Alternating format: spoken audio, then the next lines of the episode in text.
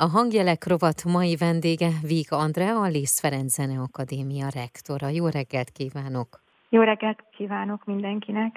Amiről pedig beszélgetünk a hangjelek rovatban, Kocsis Zoltánról, kétszeres Kossuth és Liszt Ferenc díja zongora művész, karmester és zeneszerző, a Nemzeti Félharmonikus Zenekar főzene igazgatója, érdemes is kiváló művész, a kortás magyar zene egyik legnagyobb alakja, május 30-án lenne 70 éves. Kocsis Zoltán több mint 40 éven keresztül meghatározó alakja volt a magyar zenei életnek, de miért volt ő ennyire jelentőségteljes? Mi volt az, ami hozzá hozzá kötődik. Azt tudom, hogy ilyen nagyon nehéz röviden elmondani, de ha egy-egy dolgot ki lehet emelni, akkor miért? Tulajdonképpen én válaszolhatnék egy szóban is, mert zseniális volt. De ténylegesen azt kell mondjam, hogy olyan zenei adottságokkal, olyan képességekkel rendelkezett, ami csak a kivételes embereknek a tulajdonsága, és természetesen ez nem lenne elég ahhoz, hogy ő egy ilyen rangra, vagy egy ilyen presztízsű, megtisztelő címre emelkedjen, hiszen ahhoz, hogy ezek a képességek valóban ezt mutassák, ahhoz rengeteg szorgalom és rengeteg munka és rengeteg ambíció, rengeteg odaadás és rengeteg szorgalom szükséges. És benne ez mind egyesült, és ilyenkor szoktam én azt mondani, hogy tehetséges valaki, illetve zseniális volt ő mert hogy a képességeinek részben az összessége, részben pedig az egyes kiugró elemei is olyan magasan van az átlag kiváló fölött, uh-huh. ami, amire azt kell, hogy mondjuk, hogy zseniális. És minden muzikus olyan mélyen tisztelte ezt a tudást és ezt a zenei nagyságot, ami megkérdőjelezhetetlené tette Zoltánt. És meg kell mondjam, hogy a mai napig is nagyon hiányzik, illetve azok az értékek, amelyeket létrehozott és a zeneművekről azok az akár írások, akár koncerteken megfogalmazott vallomások megmaradtak, hiszen felvételek vannak róla, és az emlékeinkben nagyon élénken él, és ezt adjuk tovább itt a Zeneakadémián, ami az Alma Matere is volt tanárként, a kollégákkal együtt.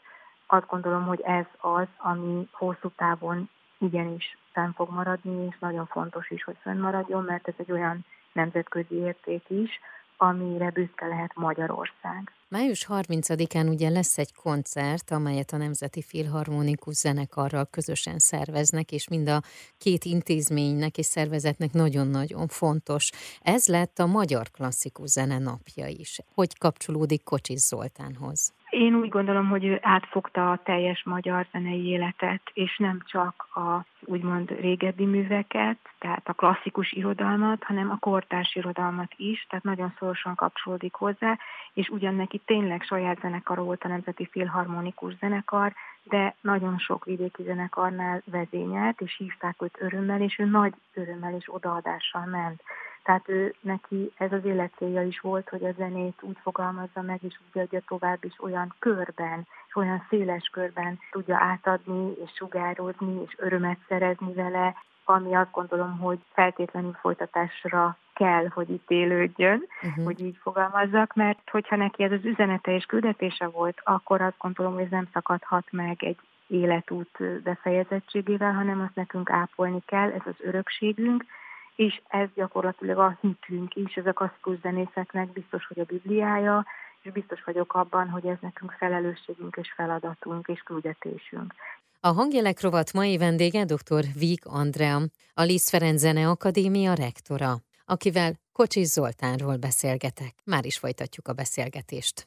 A hangjelek rovat mai vendége dr. Víg Andrea, a Liszt Ferenc Zene Akadémia rektora, a Zeneakadémián született és zeneakadémista maradt haláláig, így írt Víg Andrea búcsúztatójában Kocsis Zoltánról. Kocsis Zoltán születésének 70. évfordulóján 2022-ben a 20. század klasszikus magyar szerzőinek alkotásai mellett napjaink magyar zenéje is képviselteti magát. A 70 éve született Kocsis Zoltán a Magyar Klasszikus Zene Napja című koncerten, amely május 30-án lesz a Zeneakadémia nagy termében. Folytatjuk a beszélgetést.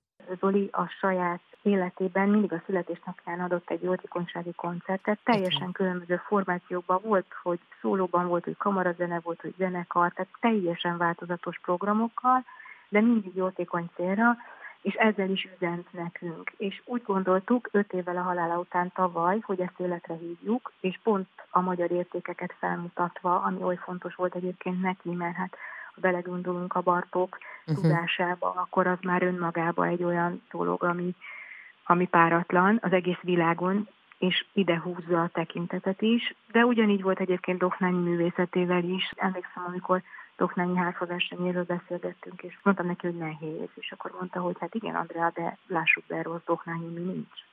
Uh-huh. Tehát, hogy neki voltak, voltak ilyen mondatai, amiből az ember egy életre szólóan tesz a hátizsákjába. Na szóval, és ez volt az az apropó, amire úgy gondoltuk a Nemzeti Filharmonikus Zenekarral, hogy hozzuk létre a magyar klasszikus zene napját, és borzasztóan hálás vagyok, és nagyon boldog, hogy együtt tudunk működni, és nagyon jó az együttműködés. Herboly Domonkosnak nagyon-nagyon köszönöm, hogy ő mindig ott van, mindig segít, szívén viseli ezt az egész ügyet, és hát természetesen a zenekarnak, aki a, a lelke ennek a projektnek, mert azt is tudjuk, hogy a muzikusok nagyon kötöttek hozzá, de az is az érdekessége ennek, hogy a Nemzeti Filharmonikus Zenekar tagjainak nagy része a Zeneakadémia professzora. Tehát itt is összefonodik, mint ahogy Zoli életében is a Zeneakadémia és a Zenezetű Filharmonikus Zenekar nagyon erősen kötődtek egymáshoz. Úgyhogy ez egy nagyon autentikus társulás, és hát boldog vagyok, hogy a születésnapján a Zeneakadémia nagy termébe most megszólalhatnak ezek a magyar művek, megszólalnak ezek a csodás darabok. Én azt hiszem, hogy ez egy méltó születésnap lesz, hiszen ez a 70 és mi nem csak Magyarországon gondolkodunk, hanem természetesen abban, hogy a tavalyi év után már külföldről is érdeklődés mutatkozik, és megkerestek bennünket, hogyha folytatjuk, szeretnének csatlakozni művészek, de még intézmények is, és nem csak koncertelmekre kell gondolni, hanem iskolákra, uh-huh. tehát zeneiskolákra, illetve felsőfokú, tehát egyetemi körre. Azt kell mondjam, hogy ez egy csodálatos hívó szó, és megérdemli azt, hogy ténylegesen ott legyen az egyik évköveként Magyarország koronáján.